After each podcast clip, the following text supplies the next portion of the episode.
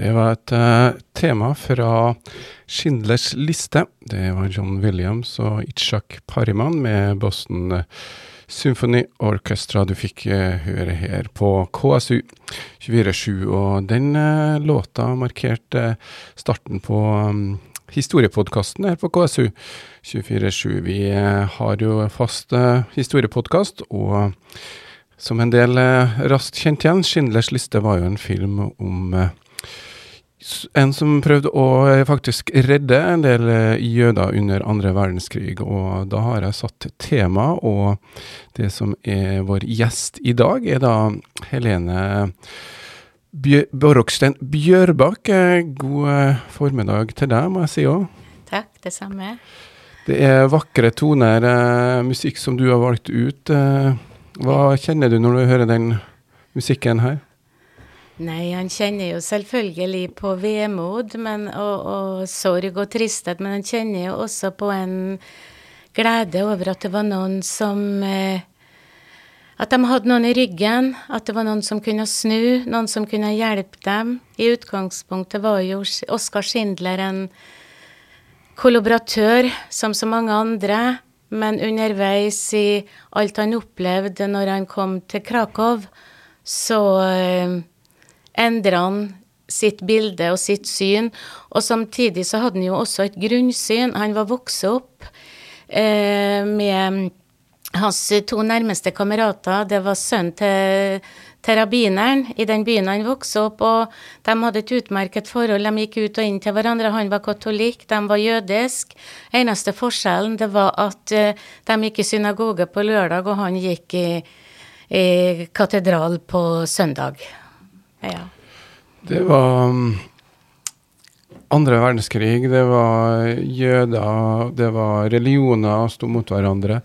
Det er lenge siden, men uh, det er en historie som uh, stadig må fortelles. Um, du er jo da i familie med si, Kristiansundsjødene, og, og, du er jo i din familie som kanskje siste som er igjen i byen.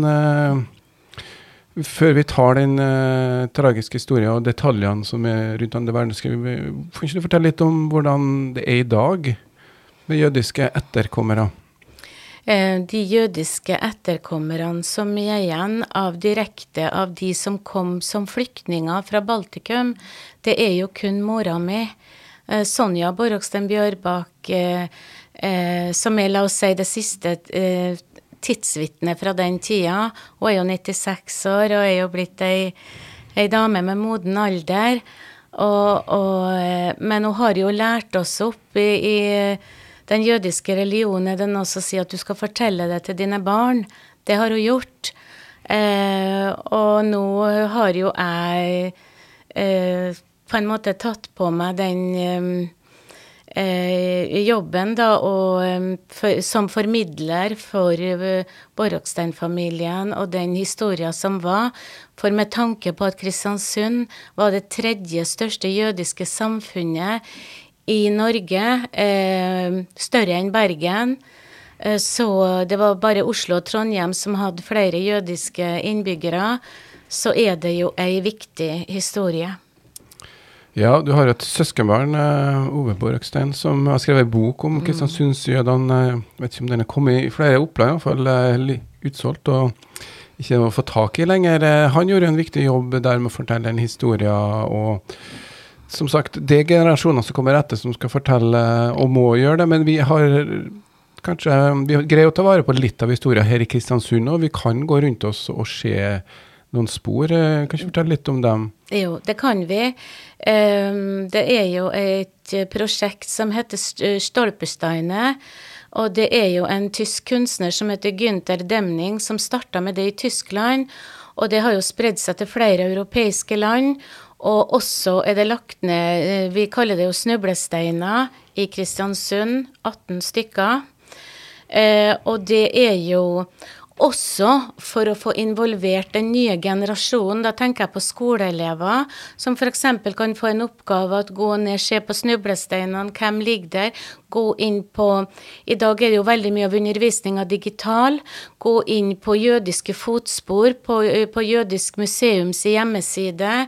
Hvem var dem? Altså, det er mye prosjekt rundt det, så det, det, det er mye du kan gjøre. Og så er det jo også ei støtte i Roselund som, eh, som viser godt uh, den jødiske tragedien, da det mørke bak bakteppet. Uh, og neste år vil de siste snublesteinene i Norge bli lagt ned. Og, og, Norge er jo kommet ganske langt i europeisk sammenheng med å legge ned snublesteiner. Selv om vi hadde en liten jødisk minoritet, så er det likevel er verdt å ta vare på at vi har jobba sånn for å få det her gjort. da. Og Gynter han kommer jo fra Tyskland og legger ned.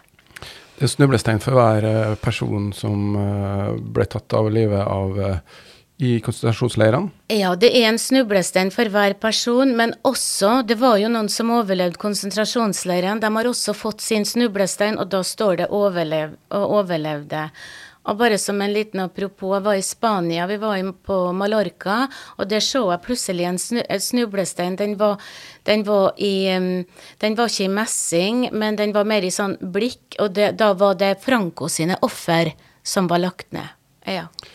Så dem finner vi rundt om eh, her i byen. Vi skal komme litt tilbake til de ulike familiene, og hvor du også da finner snublesteinene i nærheten av der de vokste opp, var det ikke slik? Eller ja, bodde? Vi prøvde å øh, Nå var jeg sterkt involvert i den prosessen der, og organisering av nedlegging av snublesteinene. Kristiansund ble jo bomba. Så når, under gjenoppbygginga så ble jo adressene litt forandra. Så vi har prøvd så tilnærma som mulig. Så familien Borrokstein, dvs. Si broren til min morfar, Abraham Borrokstein og hans kone Marsha, deres fem barn, de ligger utafor eh, gamle Adresseavisa, støpt der. Skolegata? I, I, Skolegata, ja. Eller, eller, ikke Skolegata, men det blir mer Nedre Enggate. Akkurat i svingen der ligger de. I gågata, da? Ja, gågata. Og så har du eh, eh Fischer, familien Fischer. De bodde i Ole Julums gate, så det ligger utafor Og det huset sto, det ble ikke bomba, så det ligger snublesteiner utafor deres hjem.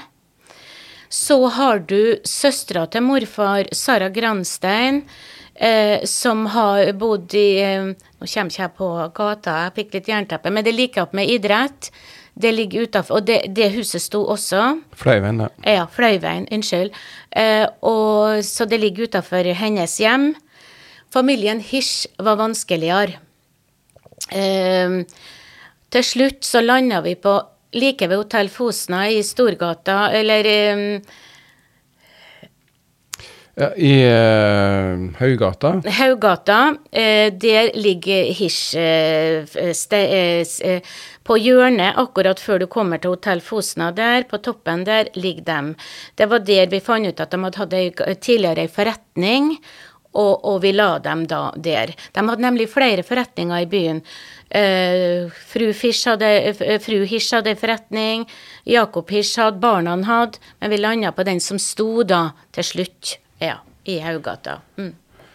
Det, var, det, er jo dem som har da mm, bodd i Kristiansund under uh, krigsutbruddet. Nå er det akkurat i helga, som, eller 18.9., da, så ble det åpna ei utstilling her i Kristiansund med tre generasjoner Benkow, som var fotografer som også hadde bodd i Kristiansund. Det er noe man kan gå på nå. Fortell litt om den. Ja, og det greip meg veldig.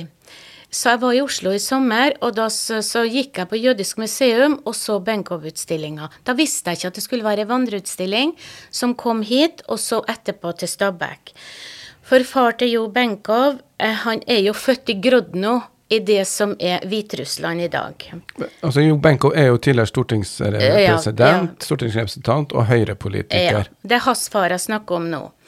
Så dro han til Malmö etter mye progromer i, eh, i Grodno. Dro han til Malmö. Eh, og plutselig så dro han fra Malmö til Kristiansund, og jeg skjønte ikke hva slags forbindelse var det. Så jeg dro til Jødisk museum i Oslo og spurte. De hadde også vansker med å svare meg, men det vi fant ut, var at han var gift med ei eh, som var født Dvorski, og det var en tannlege her i Kristiansund som het Dvorski, så de var søsken. Så de slo seg ned her da for å prøve å få Han var, en, han var jo såkalt kall det hoffotograf, og, og en, en, mester i sitt uh, håndverk. Eh, så de slo seg ned her og bodde her fra, faktisk fra 1911 til 1918. Men så døde kona. De fikk en sønn sammen. Så døde kona, og da ble det ensom for han på en eller annen måte, så da dro han til Trondheim eh, i 1918 og, og, og, gifta seg igjen på nytt, og fikk Jo Benkow da i 1924. Så det var tilknytninger. Altså, og Kristiansund det var jo en attraktiv by på mange måter. Folk kom sjøveien det, var, det kunne være ganske internasjonalt her, med, med skip som skulle til Sør-Amerika, til Spania. Da vet vi jo alt om ballast og Marokko og alt det der. Eh, men det var vanskelig å slå seg ned fordi at eh, det var mange fotografer i Kristiansund da. Og, på, og etter utstillinga um, som var sist lørdag, åpninga, så gikk vi ut og spiste ei som jobber på Jødisk museum og um, Sissel Engvik og jeg. Og da kunne hun også vise et bilde at far til Jo Benkow faktisk var med og starta uh, Fotografhistorisk forening. Og det var tatt bilde i Kristiansund, og det var tatt bilde utafor festiviteten. Så, så um, sånn var det at han kom hit. Men Jo har aldri bodd her. Men, men i sin biografi skrev han jo en del om faren sitt virke i Kristiansund. Ja, Jo Benke er jo da fotografutdanna også, og, og jobba en, jeg må si en liten periode med fotografiyrket. Men det er utstillinga da fra deres liv eh, og det som vi får Utstillinga i Gripene anbefales virkelig. Eh, hun viser deres liv, og det hun viser og symboliserer så godt, det er den derre hva skal vi si, det jødiske med ryggsekken på ryggen. Eh, mange av dem hadde jo yrker som skomaker, urmaker, skredder, fotograf, et håndverk. For de visste aldri hvor lenge de kunne være på hvert sted. Du kunne alltid ta det med deg. Og den, den viser den flyttinga fra Grodno til Malmö, til Oppsala, til Kristiansund, til Trondheim, til, til Stabekk. Og Jo flytta jo, jo til Moss. Han hadde jo lyst til å utdanne seg innen litteratur, men det satt inn det der at jeg må vel også ta et yrke der jeg har yrket mitt, på en måte kan ta med meg håndverket mitt på ryggen. Og Jo var jo veldig prega av hendelsene under andre verdenskrig, der han mista store deler av familien, bl.a. mora si og søstera si, og sa sjøl at han streva, han fikk ingen fasong på livet på lang, lang tid. Men etter han etablerte seg i Moss med kone og fikk ei datter, så begynte det å gå rette veien. Hele den historien, altså også utstilling i Nordmøre museums lokaler i Storgata, ja, den utstillinga ja. er altså. Mm. Men du nevner jo noen stikkord her, da, og jeg syns nesten vi kan bare begynne litt uh, med historien om jødene i Kristiansund. da. Jødene har jo vært et forfulgt folk. Uh, skulle ikke si alltid, men uh, det var det som gjorde at mange måtte flykte og kom da til Norge og Kristiansund etter hvert. For det er litt om de første som kom hit til Kristiansund, og, og når de kom, da? Mm. En av de første var jo faktisk min morfar. Eh, han kom først til Trondheim. Eh, han er jo født i en, lands, i en by i um, Nord-Litauen, på grensa til Latvia, som heter Sagare. På jiddisk kalte de det jo Sjager, eller Sjagere. Eh, han eh, dro i 1905, som var et av de verste årene progrommessig, for å si det sånn. Den ene progrommen etter den andre avløste hverandre, og de så ingen fremtid. Men han hadde familie i nabostetland som hadde dratt til Norge. De fleste hadde ikke planlagt Norge, det var USA de ville dra til. Uh, de transatlantiske skipene lå jo utafor en, en, kystby som heter Memel Klaipeda i Litauen, men billetten til USA var mye dyrere. Da var det lettere å komme til Norge. Og da tenkte de da tjener jeg opp penger, og så drar jeg eh, etterpå. Men de beskjedene de fikk fra sine trosfeller som var kommet eh, til Norge, var at her har vi det bra, det er stille, det er rolig, det er fredelig. Vi får holde på med vårt på en måte, vi føler ingen forfølgelse. Så dro han da til Trondheim. Da var han 15 år. Og på kofferten hans sto det faktisk Norwegen, Sveden, fordi at han kom akkurat i unionsoppløsninga. Han kom òg i november. Eh, da var det bare å få pakka sekken og dra uh, ut uh, og tjene penger med bylten på ryggen. Han var også den der vandreren til å begynne med. Året etter kom broren hans, Abraham, som var to år yngre. Og så kom etter, eh, også søstera Sara, som var to, uh, to, år yngre enn Abraham. Og, hun, og de dro som sagt til Trondheim, og hun var jo der for å stelle for dem. Hun var jo jente, og hun var jo Han var jo De var jo tre i en søskenflokk av tolv, så hun var sikkert vant til å hjelpe til hjem, for hun var ei, ei mesterlig husmor og kokke fra hun var jentungen, refererer, sier mora mi. Ja. Ja, det er jo Borgstein-familien som kom eh, hit. Men jeg var litt i Trondheim først, og så kom de til Kristiansund. Ja. Morfaren min var syv år i Trondheim. Så dro han til Kristiansund. Der hadde han en venn som bodde i en nabostettel som het Markus Berman, som han um, ble kjent med. Han um, uh, åpna da butikk i Grungbakken som het Ekviperingsmagasinet Moderne. Og, og mormora mi hun var ekspeditrise hos Markus Berman, og der ble det et kjærlighetsforhold, en gjensidig forelskelse. Og det var slett ikke enkelt den gangen. Med en statløs jøde og ei kristen jente. Ja. Og da ble det til at han etablerte seg her, da. Eh, og etter hvert, etter mye viderverdigheter og vanskeligheter, så gifta de seg i um, rådhuset i København, hvor hun egentlig var for å konvertere. Første verdenskrig kom, de hadde fått ett barn. Ett et, et lå allerede, ett til lå i magen. Eh, de møtte en mur av fordommer i det jødiske. De kunne ikke gifte seg i kirke. Og så gifta de seg borgerlig i København eh, i, i 1918. Det er din uh, Det er mine direkt, besteforeldre. Dine besteforeldre. Mm, mm. Som da uh, ble jo på en måte halvjødisk, da. De barna som kom, er definert som halvt jødisk, og spesielt etter Göring eh, sine Nürnberg-lover. Hvis jeg komme tilbake til det, det var jo mm. det som gjorde at man ikke ble sendt til Tyskland, i hvert fall. Mm. Men eh, altså her er det et reisende folk, eh, jødene. Eh, og det har ikke alltid vært velkommen i, i Norge heller. Eh, vi hadde jo en jødeparagraf ganske lenge også. Så, så hvordan eh, ble man egentlig mottatt? Det var jo også regler mot å være omreisende i forhold til det å selge ting. Man måtte etablere seg med en fast adresse. så... Ja. Morfaren min starta jo som det Jeg må jo ta utgangspunkt i han, og, og, og, eh, i, og så kan jeg komme tilbake til de andre etter hvert. Som det som på jiddisch heter hosirer, altså du, du, du drar rundt som omførselshandler. Eh, omførselshandel var jo sett med misbilligelse på fra f.eks. handelsstand i diverse byer. De var ikke bedre i Kristiansund. Jeg har lite til overs for, for det. det. det. kan jeg bare si. Eh, og de kunne jo sikkert Altså, de hadde med seg et knytte med diverse varer. Klær, korte varer, som mor mi kalte det. Alt mulig, egentlig. Og kunne sikkert selge det til en eh, mulig en konkurrerende pris, litt limereal pris. Dessuten så hadde de også en forretningsførsel som er veldig vanlig i dag. De kunne kjøpe opp konkursbo, leie seg et lokale og selge ut eh, billigere. Noen kalte det jo jødepriser.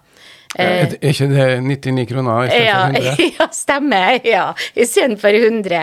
Og det var jo nok til at folk kunne ha strøm til å handle, for å si det sånn.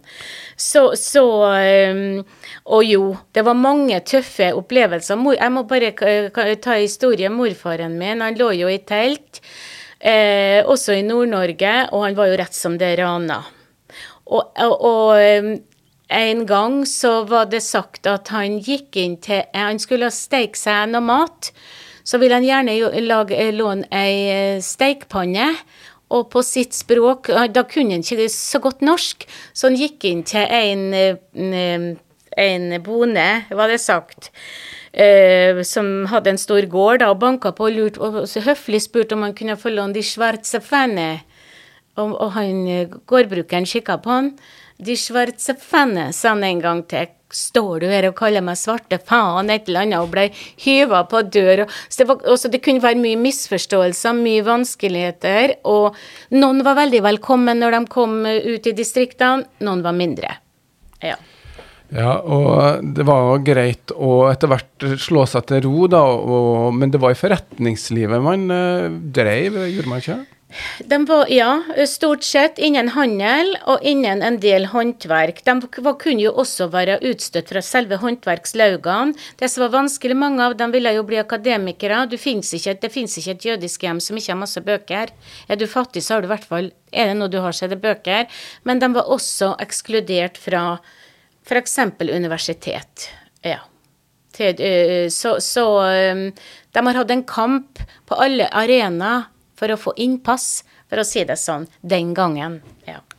Men det da er det kanskje mm, hva, Skal ikke gå inn på en lang forklaring, prøve å forstå, men altså det er et sterkt samhold i det jødiske miljøet. Kanskje fordi man ikke får lov å få innpass. Og det er kanskje så sterkt, og kanskje føler man seg trua av fellesskapet? Det, du, du, kommer inn på et poeng der. Eh, mange sa jo det at uh, å akseptere å f.eks. inngå ekteskap med noen den La oss si på min morfars tid, når han traff mormor, da, med en uh, ikke-jøde. Uh, da trua du kanskje et fellesskap, uh, og så i tillegg så hadde de jo mange sier veldig negative erfaringer med mange av de såkalte kristne, hva de kunne gjøre imot dem. Men så var det også det at du skulle eh, Altså, det var viktig å ha den felles bakgrunnen for også å kunne videreføre religion, det å lære dine barn tradisjoner, kulturer. Eh, sabbaten er jo et veldig sterkt eh, eh, tegn på det, hvor du hver fredag frem til lørdag eh, på ettermiddagen er sammen hele familien, gjør ting felles, går i synagoge, har et sabbatsmåltid. Altså, det var kanskje en trussel om at du, du, du, du kom for fort ut i ut i storsamfunnet, den assimileringa da, som kanskje ble litt truende til å begynne med, men samtidig så ønska de det jo òg. Så det, det, var eh, litt paradoksalt, kan du si. Ja, i Kristiansund så hørte man jo Man hører jo til en, jeg skulle si en synagoge, eller i hvert fall en menighet. da, Forklar litt om hvordan det her henger sammen. for Man hadde ikke egen synagoge her i Kristiansund? I Kristiansund hadde de ikke synagoge, men de leide arbeidersamfunnet sine lokaler når de skulle ha f.eks. feire Pesak, påske. De feirer jo utgangen av Egypt. Jødisk nyttår, som er Rosh Hashanah og andre helligdager. Men når det var større markeringer, som f.eks. bryllup, begravelse, så hørte de til den nordenfjelske menigheten, som var Trondheim. Ja. Og, og trondheimsjødene var jo sett på som mer liberale den gangen enn de jødene som var og, og enn menigheten i Oslo, som var mer ortodoks. Eh, det var kanskje fordi at de fleste trondheimsjødene hadde hatt et lengre opphold i Sverige, der hadde jøder vært i mye lengre tid, var mye mer assimilert i samfunnet og hadde gått gjennom en såkalt liberalisering. Men allikevel så holdt de ganske hardt på reglene. Indre justis hadde de, ja. Vi eh, skal eh, høre litt mer om, om akkurat den derre Det var jo en del familier som etablerte seg. Hvor mange var de liksom på sitt eh, meste her i, Kristiansund? alt i alt så har det vært mellom 40 og 50 jødiske personer som har bodd i Kristiansund. Eh, men fastboende kan du si at eh, la oss si eh, rundt en 22, mellom 22 og 25. Vi la jo ned 18 snublesteiner. Men det har jo bodd mange familier her. Jeg vet ikke om du vil at jeg skal nevne navnene før, de, før, de, før kjernen slo seg ned? Altså for, at, for som, De som uh, var her under krigsutbruddet, var jo Fischer, Hirsch og Borgstein annet. Men mellomtida var det mange andre familier som er kjent, som du nevnte. Ja, altså Benkow har bodd her. Eh, Bodd har bodd her. Bergman kom jo også tilbake. Eh, to familier Borokstein, de ble jo værende. Granstein ble værende. Så hadde du Hirsch og, og Fischer. Koretsinski, han var jo byens berømte overlege. Eh, og så hadde du eh, Malignac, som var en musiker. De var jo storbymennesker fra Warszawa og var kun et år. Og så hadde du Reif. Det er alle de navnene som har vært boende her i Kristiansund. Så har du sikkert også hatt mange på gjennomreise. Mm. Men de som ble fastboende, det var eh, to familier Borokstein. Eh, det var Hirsch, det var Fischer, det var Granstein og Berman. Mm. Ja, og um, vi nevnte hva de drev med, en del av dem. Uh, Borgstein hadde noen butikker rundt om. Uh, Fiks var visst et sted? Fiks, det var, det var ikke Borgstein sitt etablissement, det var familien Fischer sin forretning i Marmorgården. Ja.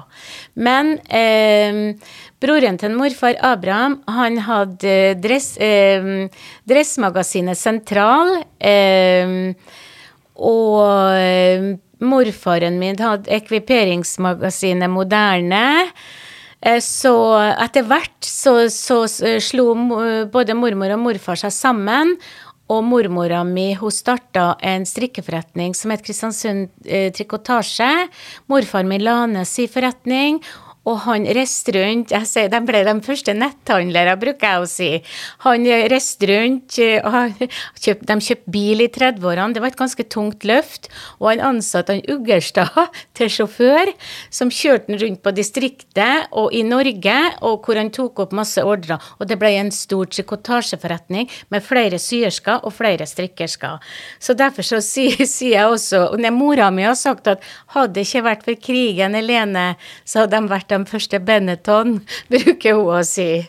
Ja, Så det var, det var forretningsvirksomhet. Men søstera til morfaren min, Sara Granstein, hun var gift med en polsk jøde som het Bernhard Boris Granstein. De drev i stor skala.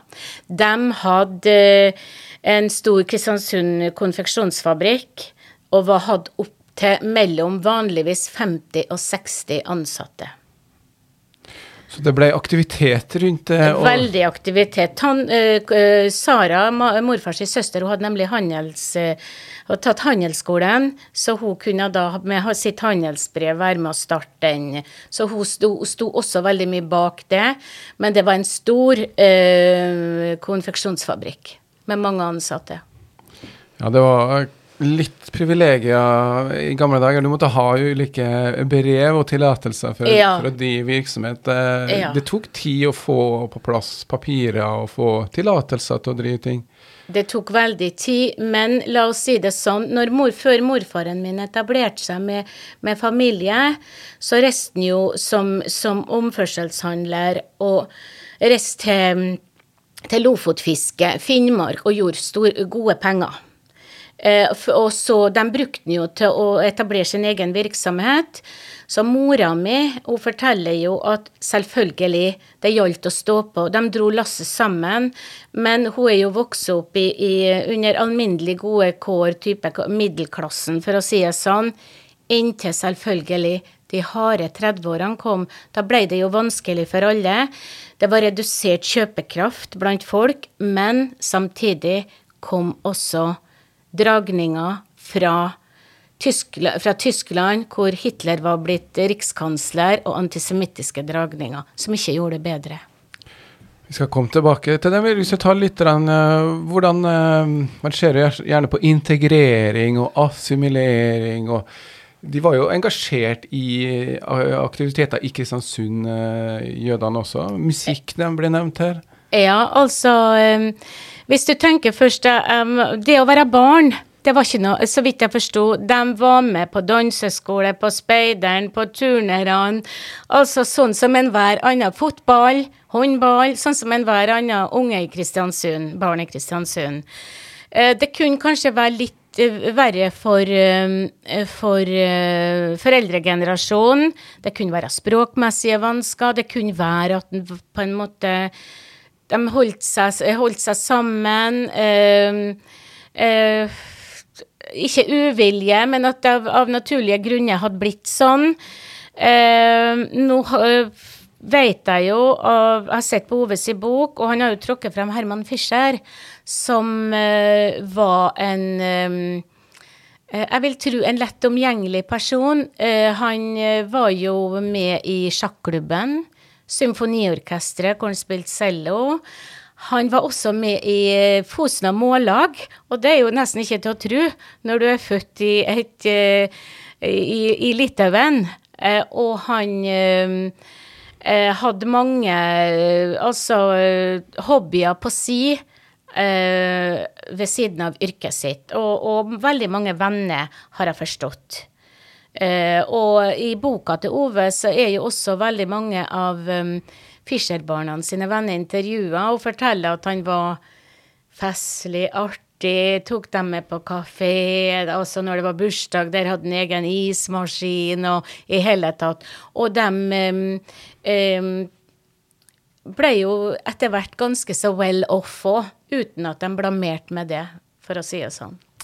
Vel, altså de var økonomisk Økonomisk så satt de godt i det. Mm, mm. Ja, og det er jo økonomien eh, som kanskje gjør at folk begynner å skule litt på hverandre også, og det merka man jo 20-tallet var jo bra tid, men så hadde vi 30-tallet, så kom, eh, kom, jo da krekk, og det ble dyrtid, og det, ble, og det merka man her i Kristiansund. Og så mm. forandra stemninga seg i forhold til jødene, eller var det underliggende ting som bare ble, kom fram i dagen? Jeg snakka mye med mora mi om det. Hun er jo født i 25, så hun var jo ikke sant fem år i 1930. Men hun begynte på skolen når hun var sju. Og da Hun hadde jo, jo allerede lagt merke til Jeg tror ikke eh, Altså, jeg, hun, de var eh, fem gutter, og så var de to søstre, hun og søstera Ruth. Jentene fikk gå stort sett i fred, men hun fortalte at brødrene var stadig i slåttkamp med verandaleppe og neseblod. Eldstebroren David, Ove sin far, hadde mer enn nok med å gå i forsvar for småbrødrene sine. Så også enkelte stikk ellers var heller ikke til å unngå. Um, navn som jødebutikk, altså kunne ha en negativ klang. Og, men det hun reagerte mest på, det var jo alle de beskrivelsene av jødene som kom i presse. Stygge tegninger som, som kunne være hjerteskjærende for en jentunge på sju-åtte år. Eh, og, og, hun husker at hun, hun ble veldig lei seg, og at hun, at hun gråt og at hun fikk ikke det her til å stemme med det verdensbildet som var utenom hennes hverdag, da. Ja, stemninga ble mer, eh, mer, amper, og man ville jo gjerne legge skylda for eh, de dårlige tidene på noen, og mm. da var kanskje mm. jødene lett til for uh, hugg. Hvordan, eh, etter hvert som det utvikla seg på 30-tallet, hva gjorde, gjorde jødene noe for å på en måte, jeg skulle ikke si beskytte seg, eller eh, ble man engstelig på noen måte, eller? Det er klart at eh, de jødene som var kommet hit, de var jo flyktninger. De hadde jo flykta fra programmene i Tsar-Russland. Det var jo Tsar-Russland de kom fra. men de hadde hatt det såpass bra og fredeligere at de, at de tenkte at eh, vi er norske borgere. Det er her vi hører til. Og da var jo ikke Norge okkupert ennå, men det er klart at det volda bekymring blant den voksne generasjonen. Men de prøvde egentlig bare å, å vise seg til, kan du si, litt sånn nødhjelp, ta imot det som de kalte wienerbarn. Jeg, jeg, tror ikke det ble tatt imot noen her, men gjennom jødiske organisasjoner kom det jo barn. Eksempel eh, sånn som eh, Bertolt Grünfeldt kom jo.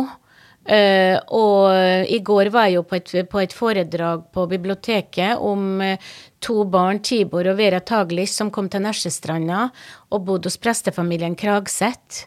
De kom i samme uh, transport som Bertolt Grünfeldt, så de engasjerte seg mer sånn Jeg tror at det med Hitler, selv om han tok statsmakt i det ene landet etter det andre, fortsatt var ganske perifert for de jødene som bodde i Kristiansund og Norge i 30-årene, men etter Anschluss i 1938, og de gikk inn i Tsjekkia osv., da begynte mer å brenne under beina på dem. Ja, Nasjonalsosialisten tok jo makta i 33, og så etter hvert eh, tok han jo mer og mer over, og det ble jo strengere og strengere regime i, i, Tyskland også, med da jødeforfølgelser, sakte, men sikkert. Vanskeligere og vanskeligere å være jøde. Og mange flykta jo fra Tyskland også. Uh, du nevnte Wien-barna. Hva, hva var det?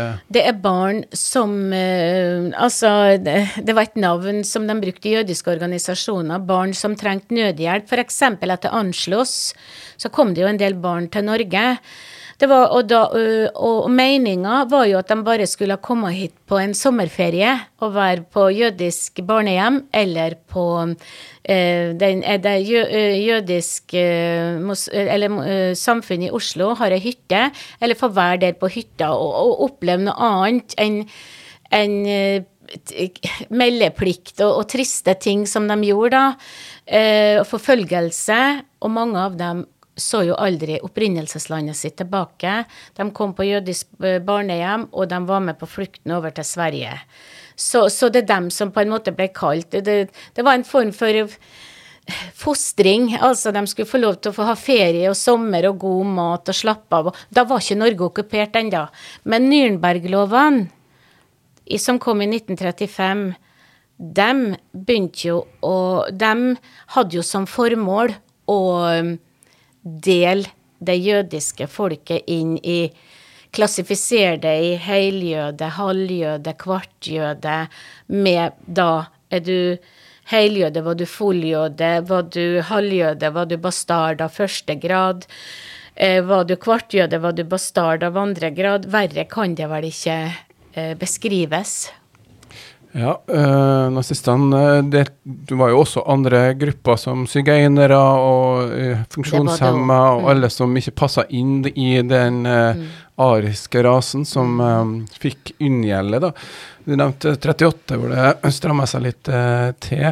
Og um, som sagt, man ante vel at noe var på gang når Tyskland tok over både Sydøst-Tyskland, eller i deler av Tsjekkia og også i Østerrike, da. Så eh, vi skal ta og gå litt videre inn mot krigsutbruddet sånn etter hvert, men vi skal ta og spille en liten uh, sang, vi nå. Her skal vi få Rebekka Rivikele. Kort om den, uh, Helene? Jeg er jo etter hvert blitt veldig glad i klezmermusikk. Jeg har jo vært på jødisk kulturfestival ti år på rad, bortsett fra i det ene året under pandemien. Eh, og der får du jo de flotteste klesmerorkestrene i, eh, orkester i Europa. Og hennes eh, uttale av jiddisch, som er eh, jødene sitt språk, da, en blanding av tysk og eh, hebraisk, slavisk uttrykk, og også uttrykk fra, fra landet de bodde i, er veldig klar og ren, og hun har en eh, en eh, veldig sånn smektende øh, fremstilling av den øh, tangoen. Så den kan du gjerne sette på.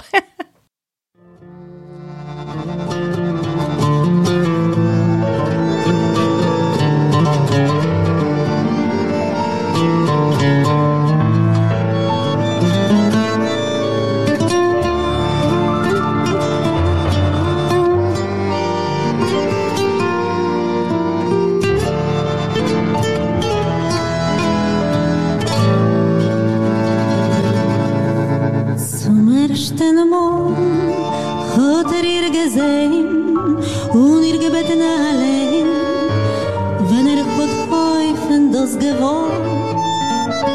Und seit schon dann pflegt er nicht auftreten, oft nur bei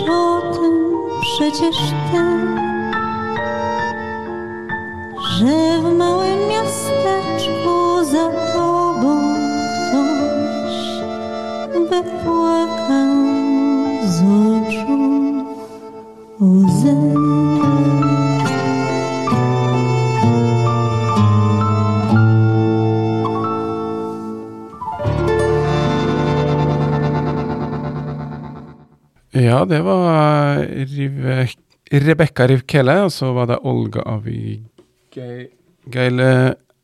Nå er det vanskelig for meg. Miletsjuk, ja, sånn cirka. Som eh, framførte eh, denne sangen. eh.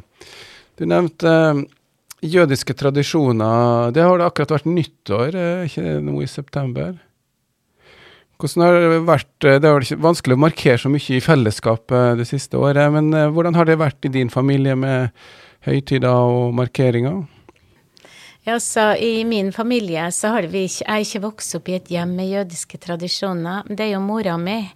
Eh, så eh, de jødiske tradisjonene som de eh, eh, førte, det var jo fortrinnsvis Pesach, men de har jo også hatt Rosh Hashanah, som er jødisk nyttår, når hun var riktig lita, og da husker hun at hun var med faren sin og hørte den derre luren i bukkehornet og, og eh, Så det har vært deres tradisjoner, men mora mi har ikke videreført det. Søstera hennes eh, eh, eh, laga vel p-sakmåltid, tror jeg. Eh, eh, og eh, så har jeg et søskenbarn. Hun er jo gått bort nå, Gro Borokstein, og hun var jo gift med en israeler. De hadde ei datter sammen, og hun har jo vid hun videreført det jo. Og hennes datter er jo også jødisk i, i, av religion, da. Mm, og, ja. Ja, de var mm, for, eh, det blir jo da best farfaren din, nei, mm. morfaren din, var jøde, og så var Min morfar han var tilhørte mosaiske trossamfunn. Han var jødisk, eh, jødisk flyktning fra, fra Baltikum, Litauen. Og han traff mormora mi her i Kristiansund, og de eh, eh, gifta seg og gjorde jo, hun gjorde jo hva hun kunne for å konvertere. De hadde et veldig fint forhold, var, respekterte hverandre. Uh, hun var en veldig forståelsesfull, klok dame, og hun så jo det at han savna så hun gjorde den bakgrunnen og den kulturen, så hun gjorde jo hva hun kunne for å fylle det. Sånn at hun ønska jo å konvertere, men det ble så vanskelig, og når de slutt, til slutt fikk gifte seg borgerlig, så ble de med det. Men de hadde jo jødisk Pesach hjem, og de hadde egne serviser som de bare brukte i påska. Var, på kjøkkenet var det skille mellom uh, kjøtt og, og, og, fisk og kjøtt og melk skulle ikke blandes. Og så, de levde egentlig ganske korser. De fikk bl.a. kjøtt sendt som var rituelt slakta. eh, fra Danmark. Og der har du jo, hvis vi skal tenke tilbake på når begynte de første, liksom Da var det jo eh, Bondepartiet, som i dag er Senterpartiet, det må man jo si som gikk til forbud mot det som jødene kaller skjelting, altså slakting etter et rituelt vis, hvor, hvor dyret skal blø i hjel. Min, min oldefar, altså far til morfar, han var jo rituell slakter og hesteoppdretter i Litauen, hvor de da stikker på, på pulsåra, for å si det sånn. Det ble jo forbudt i Norge. Og da ble det så vanskelig at da begynte de å kjøpe hos de lokale slakterne i Kristiansund. Ja. ja vi har jo diskusjoner om halalkjøtt i dag, så ja. men det her er jo da eh, viktige ting i, i religion som eh, da man har tatt vare på. men det var ikke så lett å, bli, å, å, å, konvertere, som du sier. Da, det var veldig, det var en komplisert sak. Og hvis du snakker Jeg har jo diskutert det med veldig mange medlemmer av det jødiske samfunn. I Oslo spesielt så svarer de det skal være vanskelig. Du skal på en måte søke så og så mange ganger. Det skal være vanskelig. Mens i Trondheim i dag har de en mye mer liberal holdning. Der kan du reise til Sverige og sende sikkert en reformrabbiner, vil jeg tro, som, og du kan konvertere innen et, et halvår, følge et kurs eller hva det nå er. Mens i Oslo så holder de mer på den mer tradisjonelle, gamle eh, måten som sikkert har vært tidligere. For det var også Kusina mi og Gro ville også konvertere, hun streva veldig. Det var store krav. Mm. Så det ble med at hun lot det ligge. Men hun har levd jødisk. Ja. Ja, og de levde jo jødisk, eh, din familie, inn mot uh, andre verdenskrig. Men uh, var det vanskeligere å, å leve si, jødisk og være jødisk uh, også her i Norge? Eh, tenker du da i, i, i, i mellomkrigsårene? Ja. Eh, nei, jeg forsto det sånn at jeg må ta utgangspunkt i hva mora mi sier, at de hadde ikke noen problemer med å overholde de høytidene og, og, og, så videre. Det var først etter okkupasjonen. Eh, eh, etter så var det allerede i mai måtte de levere inn radioapparatene sine som den første gruppe i Norge. Mai, mai 1940. Ja. Mm. Ja, for krigen kom til Norge også. Hvordan var reaksjonene i familien eh, da, og i de jødiske miljøene? Mora mi kan aldri glemme, når de fikk høre på radio om morgenen, at Norge var hærtatt, som hun sier da, og at Quisling holdt sin tale. At hun husker at, at mormora mi slo seg på lårene og, og sa høyt på kjøkkenet om morgenen 'Trøste meg'. Hvordan skal det gå med oss nå? Og at faren hennes kikka ned med et veldig bekymra ansikt. Og hun fikk en sånn en forferdelig isende følelse inni seg. Det var reaksjonen hun husker hjemmefra.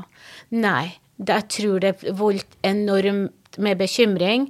Fordi at Jo, Be jo Benkow husker også at hans mor kom trøste meg like fortvilt som min mormor. Ja.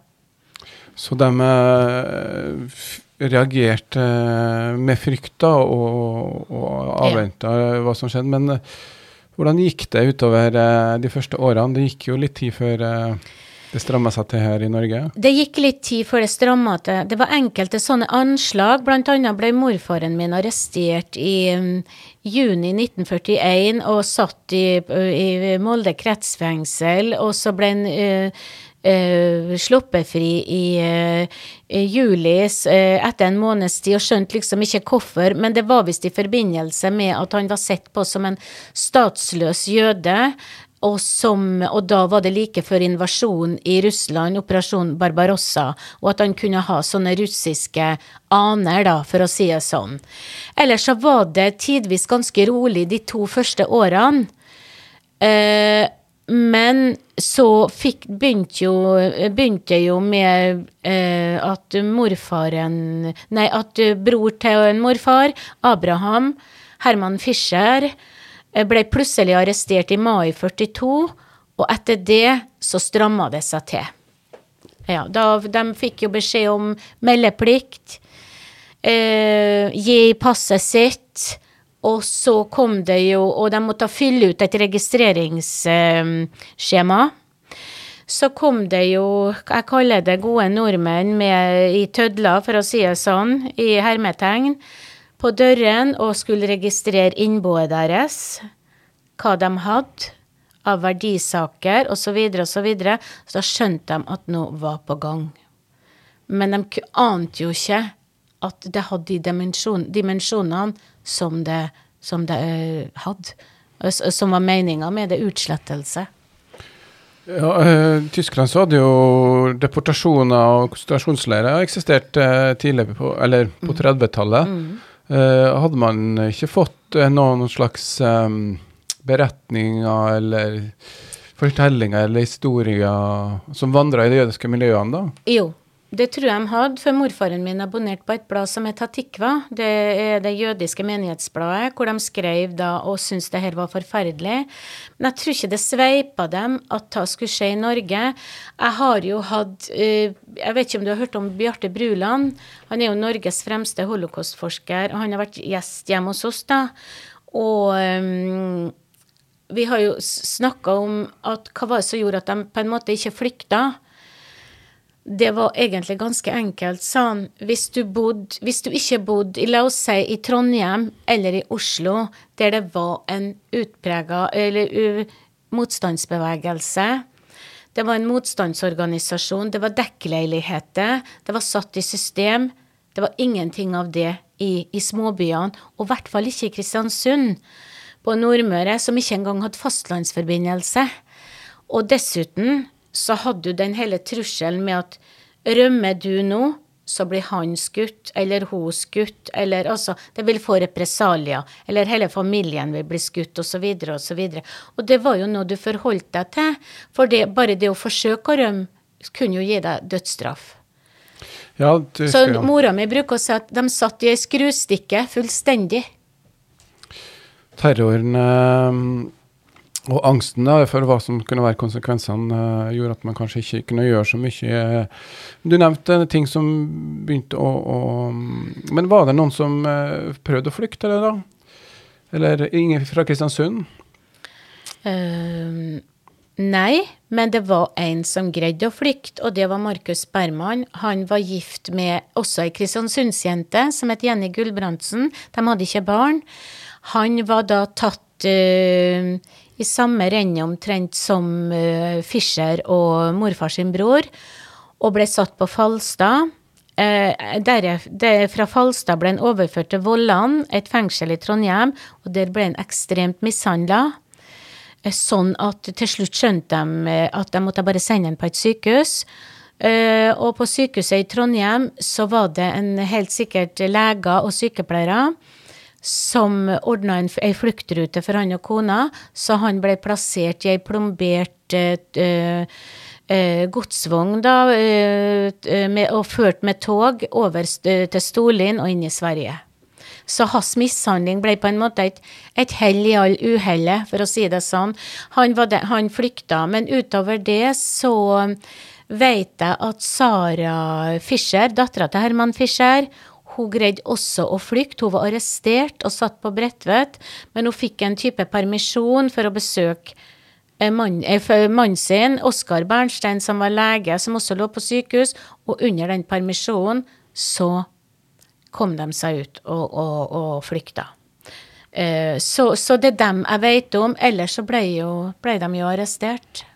Ja, I 42 da, så ble jo på en måte skjebneåret for jødene eh, mm. her i Kristiansund. Eh, og det dro seg til utover eh, høsten.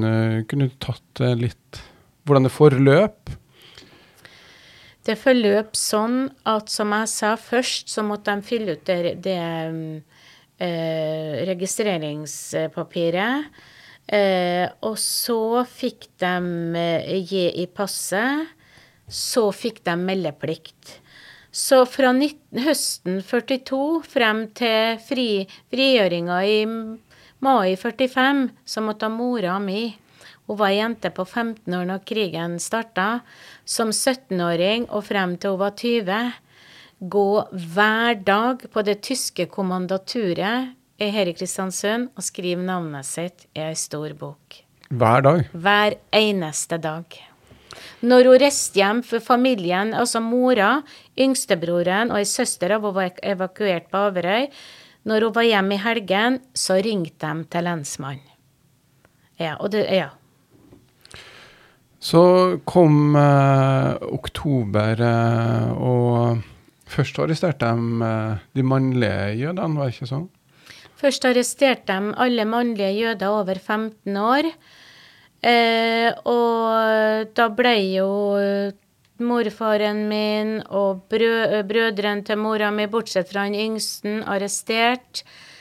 De ble sendt til eh, Tønsberg, til Berg interneringsleir, som du ser veldig godt skildra i filmen 'Den største forbrytelsen'. Eh, og satt under tvangsarbeid og plaging, rett og slett, der, da. Frem til eh, Donau skulle skipe den første transporten ut fra Norge. Den første og den største. Ja, og så eh, ble det jo da tydelig at man skulle samle sammen alle jødene i, i Kristiansund. Eh, det skjedde jo da litt seinere, i november. Mm. Hvordan uh, foregikk det? Det foregikk jo sånn at uh, sånn, Jeg må jo snakke fra uh, Sånn som mamma fortalte. Det ble, kom en telefon Marsha Borrokstein, hun var evakuert på Averøy med sine fem barn på Nekstadgården der. På Hol Eh, på Averøy. Eh, um, Gustav Fischer var i byen. Huset hennes sto jo ennå. Sara Granstein var i byen.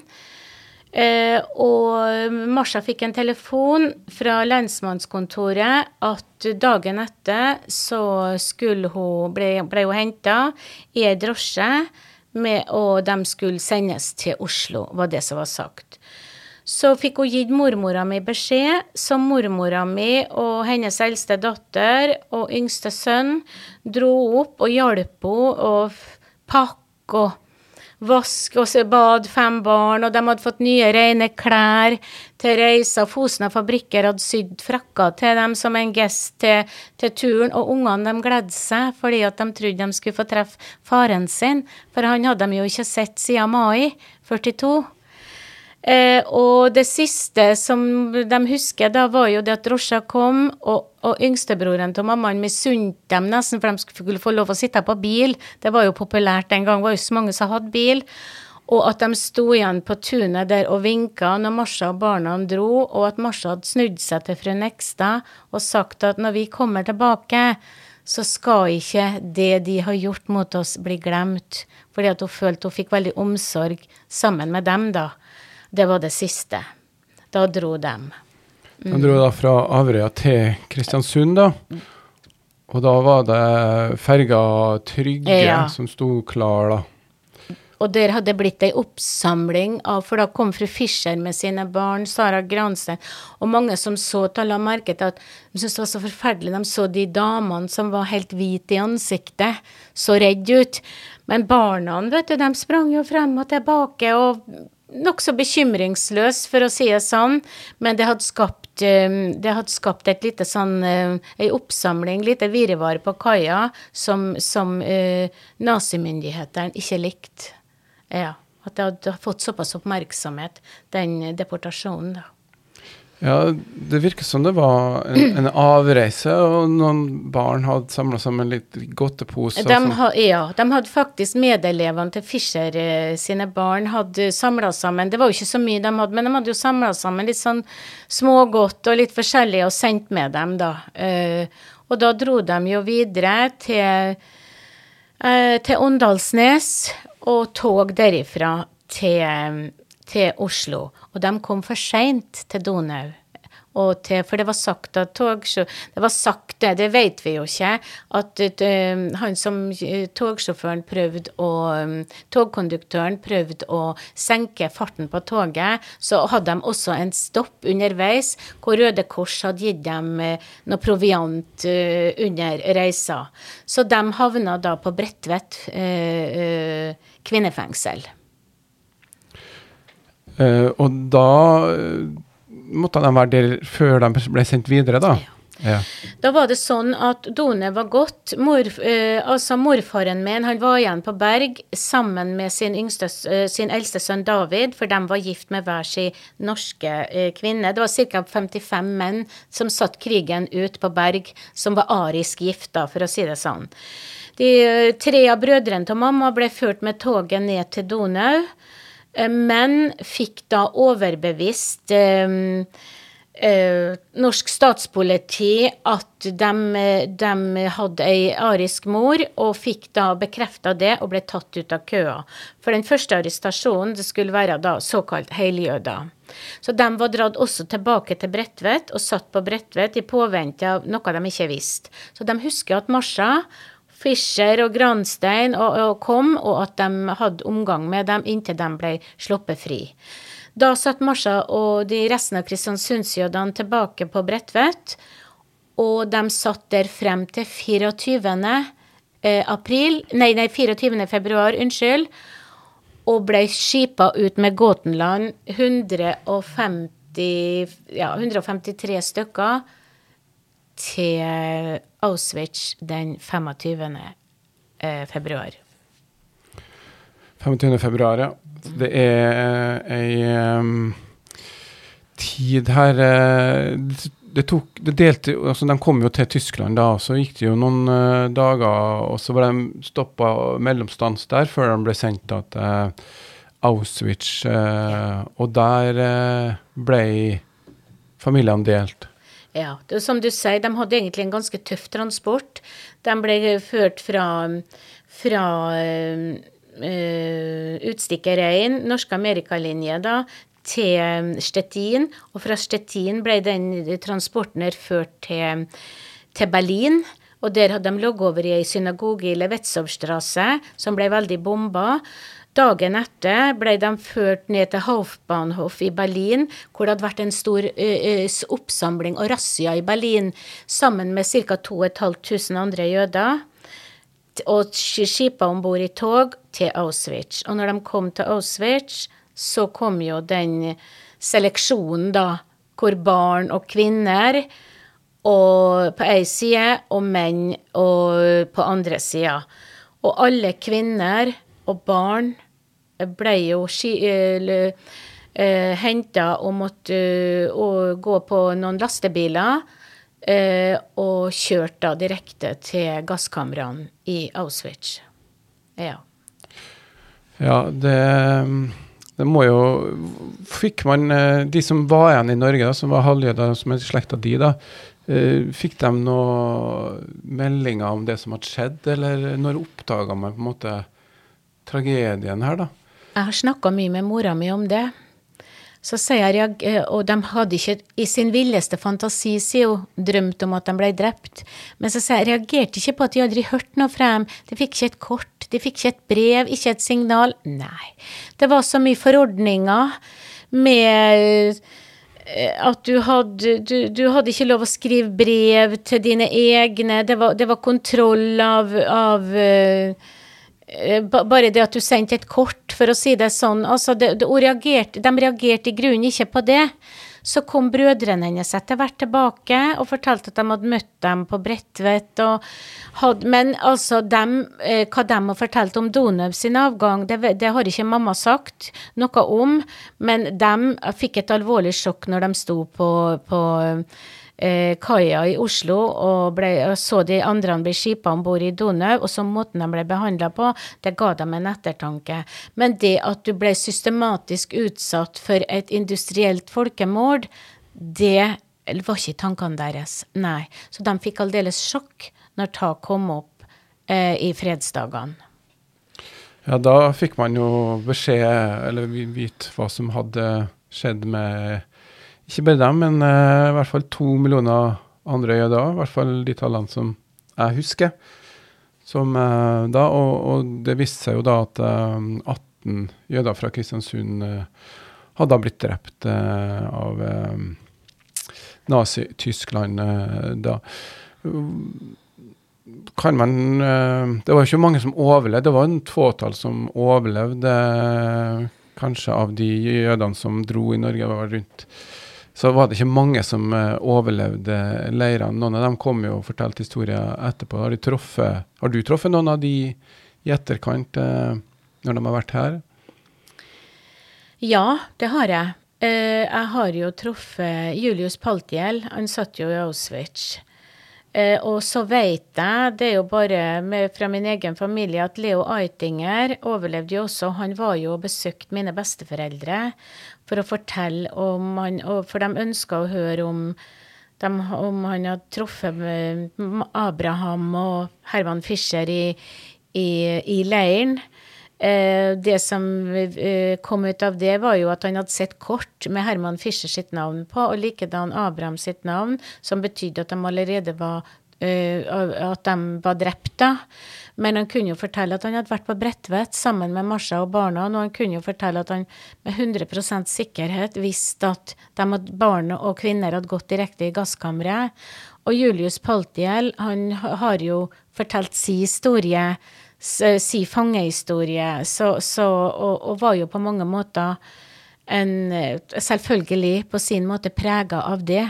Så det, det, det er den erfaringa jeg, jeg, har med de tidsvitnene som ikke eksisterer lenger, da. Det må jo ha vært eh, vanskelig å, å, leve med det her, og, og hvordan eh, var tida etter krigen? Eh, du vet, jeg er født i 1958, uh, ca. 13 år etterpå. Det, det, uh, det, er klart at du etter hvert som barn, når du vokser opp, så skjønner, merker du at det er et mørkt bakteppe.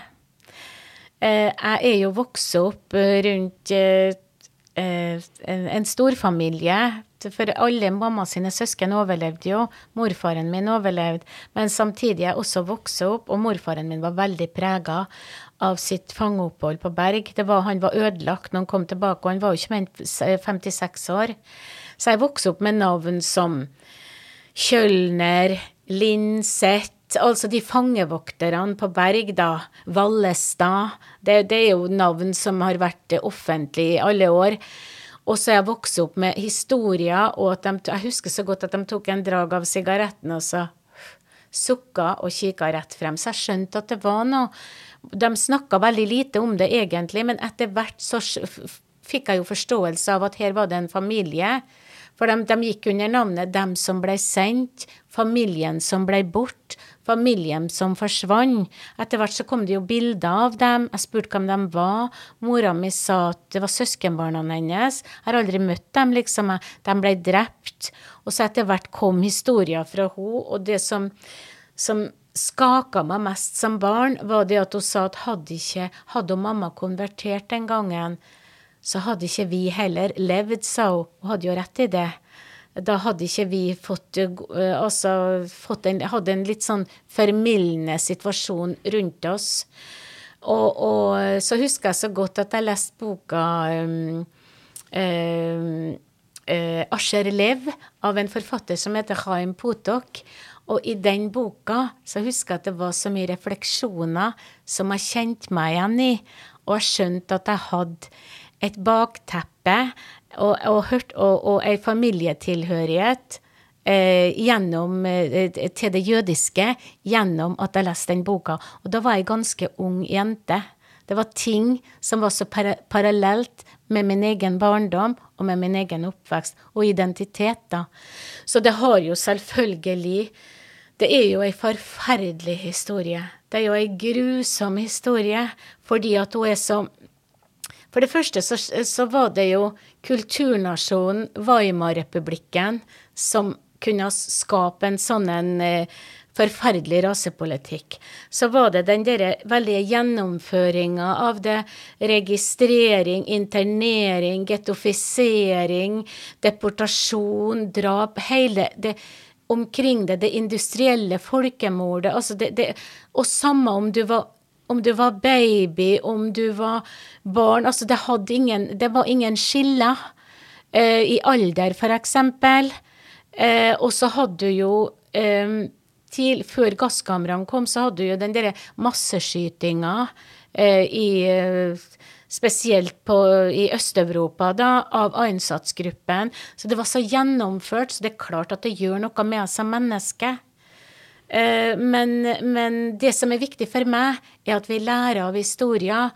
Og det å f.eks. komme inn i en skoleklasse og, og smelle opp seks millioner, og, og alle disse tallene har, Jeg tror ikke det har så veldig um, kraft i seg, men jeg tror det er viktig at vi får det ned på individnivå. At du kan vise et bilde, fortelle en historie. Det var en nabo.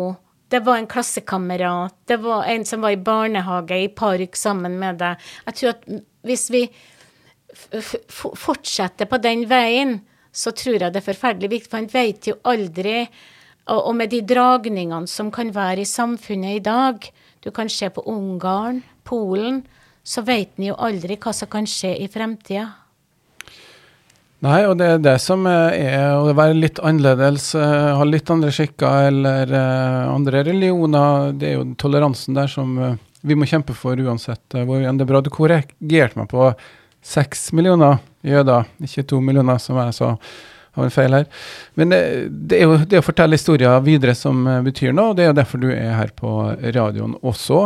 Og uh, Vi skal runde litt av, og så skal jeg bare ta en tur og begynne å lese historiene. Det er mange historier, og, og, og se hvor hvor nær de og hvor likt de er oss, og hvordan naboer de kunne ha vært eh, rundt oss i dag. Eh, det anbefales. Så de Stublesteinene er jo et sted å begynne, da, og rusle rundt i byen. Eh, og så er det også utstillinga som foregår nå på Nordmøre museum. Og så kan jeg bare få legge til en liten ting. Så er også Sissel Levin, eh, med en medarbeider fra Jødisk museum i Oslo. Hun er i Kristiansund nå, og hun har eh, med Den kulturelle skolesekken. Og de er på Atlanten videregående skole og har to presentasjoner, som hun kaller det da, eh, med eh, eh, hver dag. Så, så det jobbes iherdig med den oppvoksende slekt, heldigvis. Det er bra. Vi tar um, historien videre der, og så skal vi runde av her med podkasten Historie fra Nordmøre. Jeg skal si tusen takk til Helene Borokstein Bjørbakta. Og så uh, er det noe du lurer på, så er det bare å sende en uh, e-post. det er postalfakrøll ksu247.no. Så er vi tilbake med en uh, ny historieprogram om ei uke. Og kom du inn på slutten her, så sendes det her eh, i reprise på onsdag klokka 21 også.